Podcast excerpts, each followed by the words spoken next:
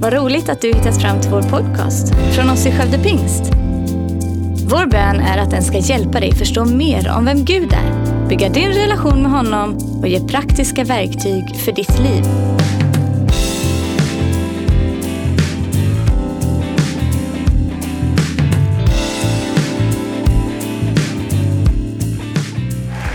Fantastiskt.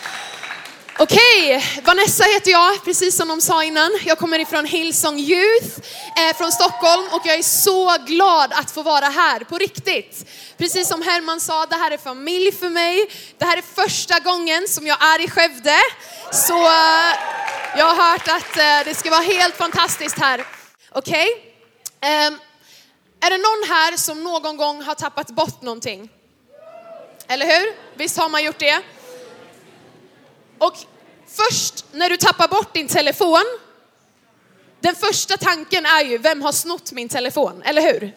Aldrig säga jag har glömt den någonstans, utan det är jag, någon har snott min telefon, eller när du har tappat din plånbok någonstans, det är ju någon såklart som har snott din plånbok.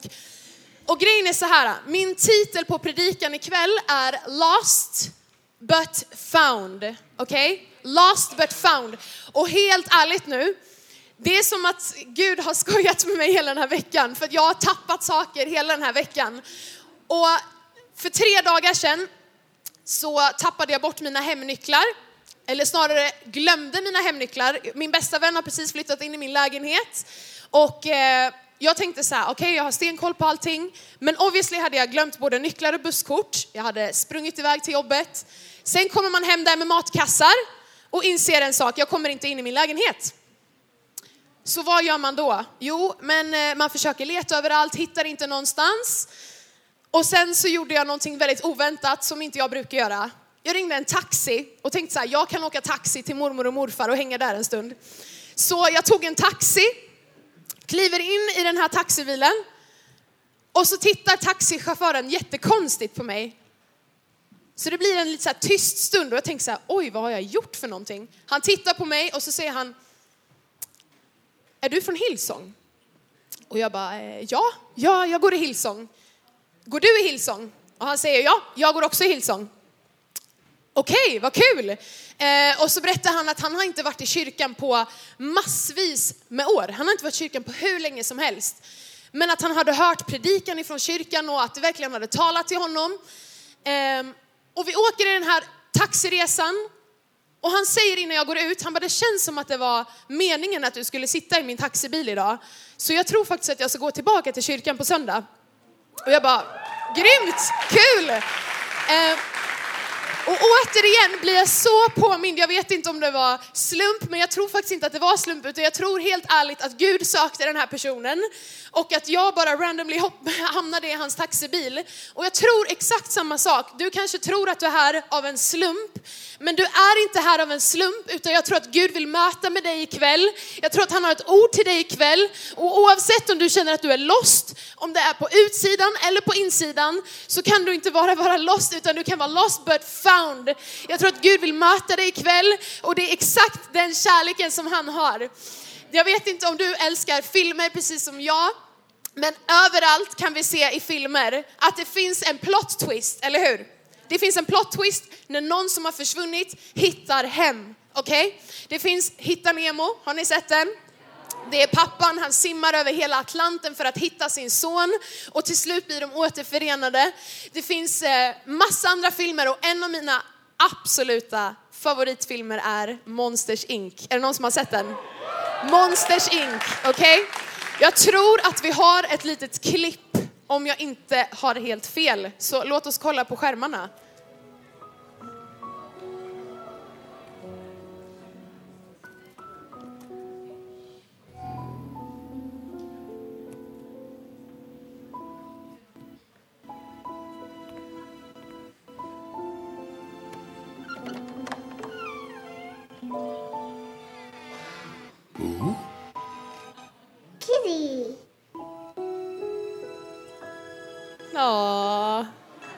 Visst är det fint?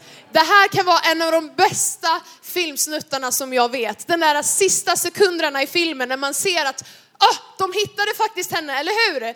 Och grejen är så här, Bibeln är inte liksom någon eh, hittepåbok eller historiebok, utan jag tror att Bibeln är sann.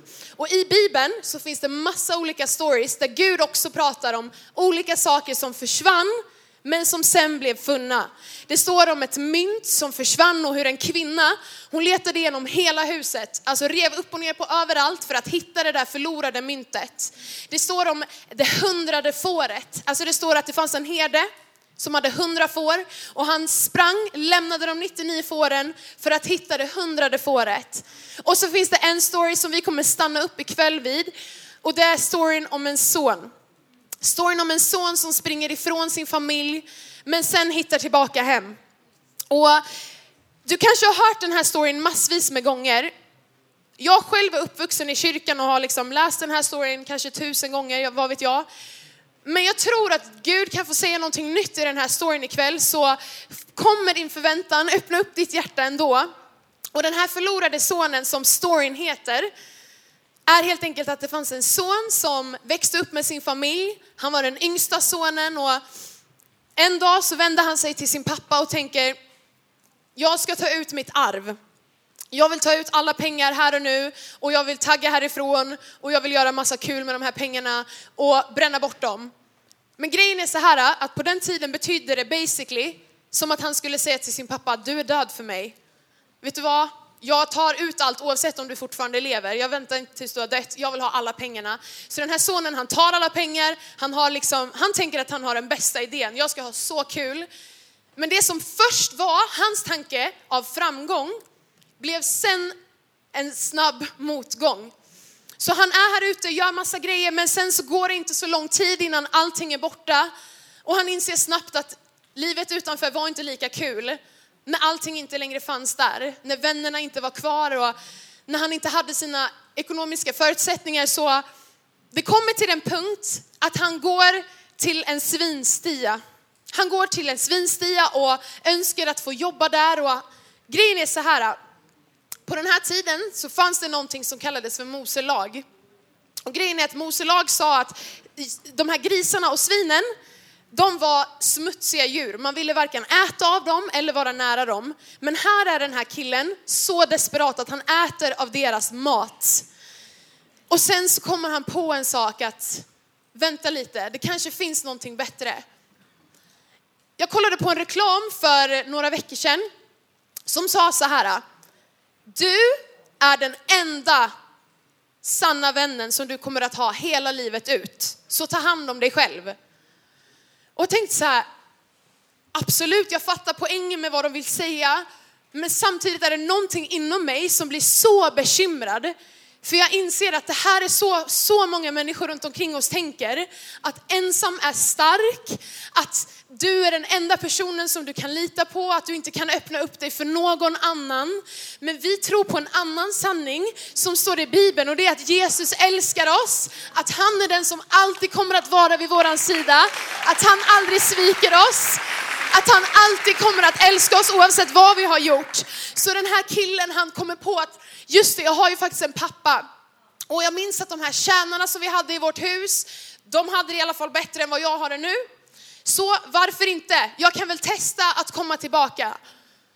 Men det är på något sätt ändå någonting som hindrar honom. Det är någonting som tar emot. Och jag vet inte om du finns här som har tänkt någonsin, undrar vad Jesus egentligen tänker om mig. Undrar vad Gud egentligen tänker om mig. Om han bara visste vad jag har tänkt på den här veckan. Om han bara visste vad jag faktiskt har ägnat mig åt. Helt ärligt, jag har så många konversationer med ungdomar varje vecka som kommer till mig och säger Vanessa, vad tror du egentligen? Tror du egentligen att Jesus älskar mig efter det jag gjorde? Tror du egentligen att det är så här? Om du någonsin har undrat vad Gud faktiskt tänker om dig, häng med mig här just nu. I Hebreerbrevet 12 och 2, det kommer upp på skärmarna bakom, så står det så här. His example is this. Because his heart was focused on the joy of knowing that you would be his, he endured the agony of the cross, conquered its humiliation, and now sits exalted at the right hand of the throne of God. Okej, okay, så för att Jesus visste att du en dag skulle få vara hans, så struntade han fullständigt i all den där förnedringen, all den där smärtan som han en gång behövde bära på det där korset, för att han visste att du skulle bli hans. Romarbrevet 5 och 8 säger, Knappast vill man dö för en som är rättfärdig, alltså någon som är typ perfekt. Kanske dör man för någon som är god, men Gud bevisar sin kärlek till oss genom att Jesus dog för oss medan vi ännu var syndare. Medan du och jag ännu hade massa brister i vårt liv, medan du och jag ännu var så långt ifrån perfekta, medan du och jag ännu gjorde massa fel, så älskade Jesus dig. Innan han hade en garanti på om du och jag skulle säga ja till honom, så gav han allting för oss. Så min första punkt ikväll, om du tar anteckningar, vilket jag hoppas att du gör, för annars kommer du glömma, så är det så här. Min första punkt är, medan vi ännu var långt borta, så sökte Jesus efter oss. Medan du och jag ännu var långt borta så sökte Jesus efter oss. Grejen är så här, den här storyn som vi precis läste om, som är den här förlorade sonen, är en bild på dig och mig och på Gud. Det är en bild på dig och mig och på Gud. Och jag vill att vi ska läsa vad som händer när den här sonen bestämmer sig för att komma tillbaka. Är ni med mig? Det står så här i Lukas kapitel 15 och vers 20 så står det medan han var långt borta alltså medan han nu var långt borta, fick hans far se honom. Han förbarmade sig över honom och fadern skyndade fram, omfamnade honom och kysste honom. Och sonen sa till honom, far, jag har syndat mot himlen och inför dig. Jag är inte längre värd att få kallas din son. Men fadern sa till sina tjänare, skynda er, ta fram den finaste dräkten och klä honom, sätt en ring på hans finger och skor på hans fötter och hämta gödakalven och slakta den. För nu ska vi äta och fira. För min son var död, men han har fått liv igen. Han var förlorad, men han är återfunnen. Och festen började. Okej, okay, så här har vi en story om hur den här fadern möter sin son som kommer där från långt håll. Och den här pappan, han struntar i om det finns massa människor som tittar på honom, hur han ser ut, om han ska behålla sin värdighet eller inte. Utan han släpper allt och springer till sin son. Och det här säger mig en enda sak och det är att Jesus väntar sig inte perfekta människor. Han förväntar sig inte att vi har fixat allting innan vi kommer till honom. Utan trots våra omständigheter så säger Jesus, vet du vad, jag vill möta dig. Redan när du och jag är långt borta ifrån honom så söker han aktivt efter oss. Bibeln säger att Gud, han söker, Guds ande överför hela jorden och söker de som med sina hjärtan ger sig hän till honom. Vet du vad Gud söker? Hjärtan som hungrar efter honom. Han söker ditt hjärta här ikväll. Han vill ha mer av dig. Det räcker inte med en liten del utan han vill ha allt. Och det är precis det som den här pappan gör. Och vi behöver inte vänta på rätt tillfälle. Hur många vet att vi så ofta tänker så här, okej okay, men eh, när jag har lite mindre i skolan eller ja men du vet så här, eh, ja men när Kalle följer med så kanske jag ser till att haka på liksom. Så här, vi vill vänta på rätt tillfälle, men idag är rätt tillfälle. Vet du vad? Gud vill möta med dig här och nu. Och jag tror att om du och jag vänder oss mot honom så kommer han att stå med öppna armar inför dig och mig, okej? Okay? Punkt nummer två. Medan vi var brustna så älskade Jesus oss medan vi ännu var brustna så älskade Jesus oss. Jag älskar att vi faktiskt sjöng en lovsång nu innan som handlar just exakt om det här. Mitt hjärta var brustet, men du älskade hela mig. Okej, okay? Gud älskar hela dig. Det är inte bara de delar du är stolt över eller vill visa upp inför andra. De saker du tänker, jag kan prestera bra i det här men jag är väldigt dålig på det här. Gud älskar hela dig. Det betyder inte att han älskar allt vi gör, eller hur? Han älskar inte kanske allt vi gör, men han älskar hela dig. Oavsett vad du och jag kan prestera. Och det kan du och jag få lita på. Jeremia 31 eh, och vers 3 säger så här. The Lord appeared to us in the past saying, I have loved you with an everlasting love and drawn you with loving kindness. I have loved you with an everlasting love. Är det någon här som älskar att resa? Ja, Okej, okay, då är jag inte ensam på det. Jag älskar att resa. Ni kanske tänkte så här, varför står det en resväska uppe på scen? Ah, ja, den får vara så här, det är kanon. Okej, okay, nu har jag min resväska här. Ni vet när man ska packa för en resa så tar man ju inte bara det mest nödvändiga, utan man packar ju hela garderoben, eller hur? Man kan ju aldrig veta vad man känner för att ha med sig. Så det jag gör när jag ska resa, vilket hände nu i somras igen, var att jag packade hela min resväska helt fullsmockad, åkte iväg Och så står man där sen vid flygplatsen och ber till Gud. Om det är någon gång du verkligen ber intensivt till Gud så är det för att inte behöva betala övervikten, eller hur? Så då står du där och bara tack Jesus för att du håller dina löften. Och så funkar det. Det är klart, du behöver inte betala, tack och lov, du åker där på din resa. Visst har du det kul på din resa, men det finns ju ett problem. När du är på din resa, vad gör man då? Man shoppar, eller hur? Så väskan blir lite tyngre på vägen hem, du hoppar lite extra på den, har tio lager kläder på dig och tänker så här, nu ska det gå, jag kan åka hem. Så kommer du dit till flygplatsen, står där och bara, Jesus jag vet att det här ska funka. Och så funkar det inte. Du måste betala övervikt. Men vad gör du då? Du betalar ju inte din övervikt utan du tvingar alla dina vänner att öppna sina väskor och så trycker du ner dina kläder i deras väskor. Är det någon mer än jag som har gjort det här? Några få, tack och lov. Okej, okay, så det här, exakt det här hände i somras. Jag tryckte ner mina kläder i mina kompisars väskor och tänkte så här, yes, nu har det här löst sig. Men grejen är så här, om jag ska vara lite ärlig för några sekunder. Jag tror att ibland är det så här med dig och mig och saker som du och jag går runt och bär på. Vi går runt och bär på olika bördor som du och jag går runt och släpar med. Och vi tänker så här, det, här påverkar inte så många. Det är inte så många som ser att jag har den här väskan. Att jag kliver in här med ett bagage, liksom. det kan vara rädsla.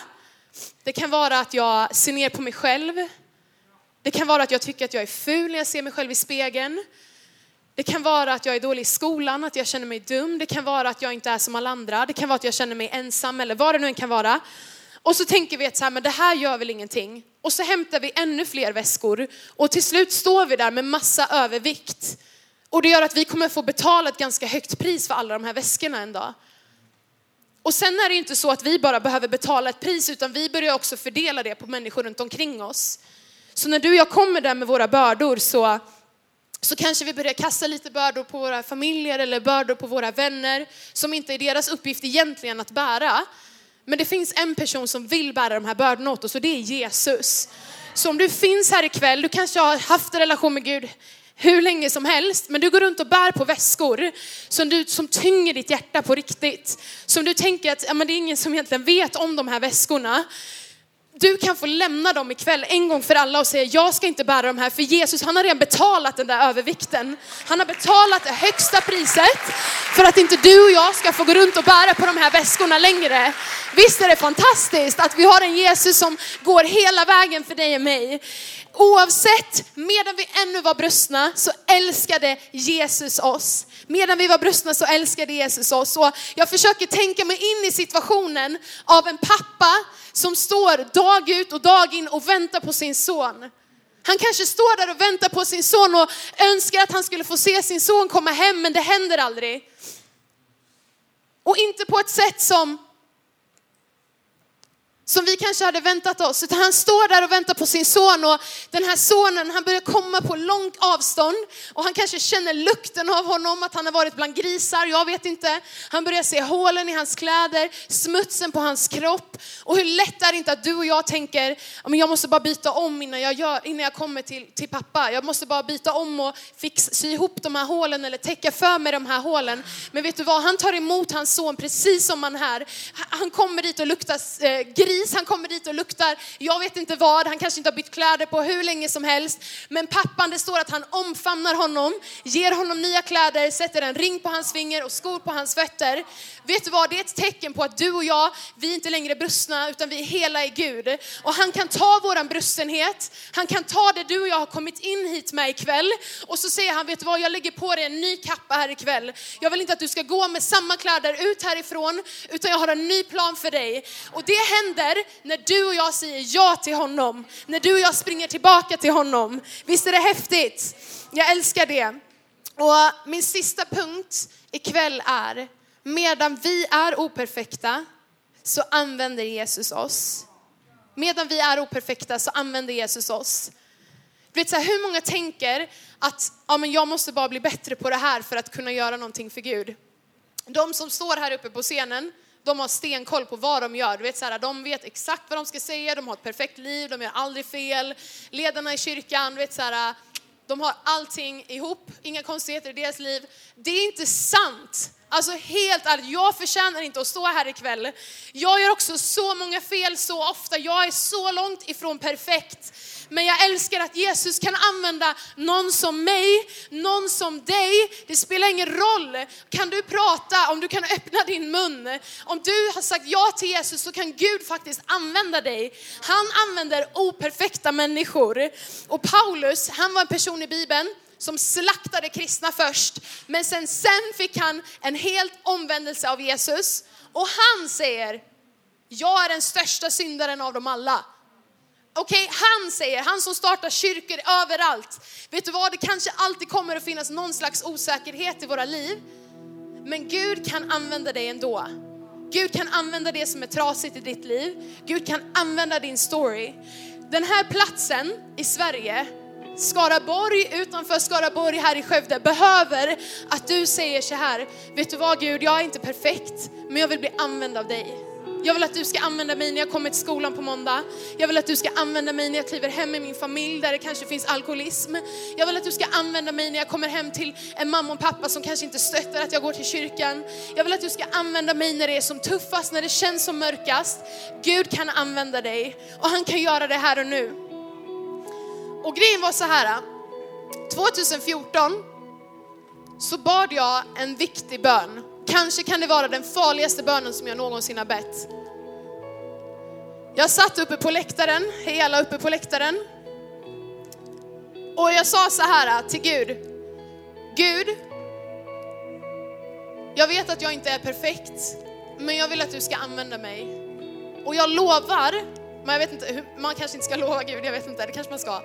Men jag sa så här, Gud jag lovar att jag kommer att säga ja till allting som du ber mig att göra om, du, om det är du som ber mig att göra det, då kommer jag faktiskt att säga ja. Och sen den dagen har hela mitt liv vänts upp och ner. Saker har hänt i mitt liv som jag aldrig någonsin kunnat drömma om. Och vet du vad, jag tror att du ikväll kommer att få be den bönen för första gången. Jag tror att du finns här ikväll som kommer för första gången ikväll få säga, vet du vad? Jag behöver säga ja till Jesus. Men också Gud, jag vill att du ska använda mig. Och för ett tag sedan så träffade jag en man som hette Bengt. Bengt var en man som hade haft så sjukt tufft liv. Han blev adopterad när han var liten, hamnade i en familj som misshandlade honom både psykiskt och fysiskt och han hamnade i fel umgänge, han började ta droger under sina tonår och han hamnade i massa konstiga grupper där han trodde att han skulle få bekräftelse som han aldrig hade fått. Han hade aldrig någonsin fått höra att han var älskad. Men sen så, en dag så när han ligger på sjukhuset för att han behandlas för cancer, så kommer det en tjej till honom och säger, vet du vad, jag tror att du kan följa med mig till kyrkan. Så han bestämmer sig för att han ska följa med den här tjejen till kyrkan. Och i kyrkan så säger han ja till Jesus för första gången. Och jag hade förmånen att få åka med den här mannen till, med hela min familj till något som kallas för Hillsong Conference, som är en konferens i London för massa kyrkor och där han faktiskt fick döpa sig. Och Bengt fick döpa sig där och trots att han var fylld med cancer hela hans kropp, trots att han såg ut som att han liksom skulle dö vilken sekund som helst, så har jag aldrig sett en människa vara så glad som Bengt var. Och vart han än gick så strålade, utstrålade han en sån Guds kärlek. Och grejen var så här att det gick något år och Bengt dog. Cancern tog över. Men jag har aldrig sett en person somna in på ett sätt som Bengt gjorde, med sån frid. Och på hans begravning så var det fullt med folk på den här begravningen som aldrig någonsin hade fått höra om Jesus, som aldrig någonsin hade ens fattat att Bengt hade fått hela sitt liv omvandlat. Så de här personerna på den här begravningen bestämde sig för att säga ja till Jesus. Och för mig blir det här en sån påminnelse om att Gud kan ta operfekta människor, folk som har haft ett liv som kanske bara är fyllt med mörker och han kan vända det till någonting fantastiskt. Han kan använda det till sitt rike, han kan använda det för att göra så mycket större saker än vad du och jag ens någonsin kunnat ana. Och på hans gravsten, på hans gravsten så stod det, jag var det hundrade fåret. Jag var det hundrade fåret. Gud hade sökt honom hela hans liv.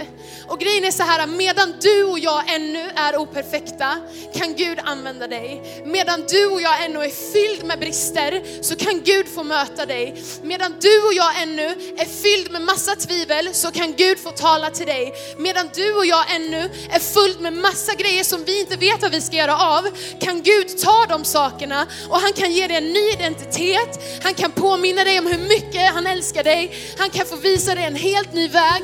Gud kan ta det som har varit trasigt och han kan göra det helt. Tack för att du lyssnat. Dela gärna podden med dina vänner och glöm inte att prenumerera så du inte missar nästa predikan. Om du har några frågor eller vill att vi ska be eller tacka för något tillsammans med dig så får du gärna höra av dig till kyrkan skövdepingst.se.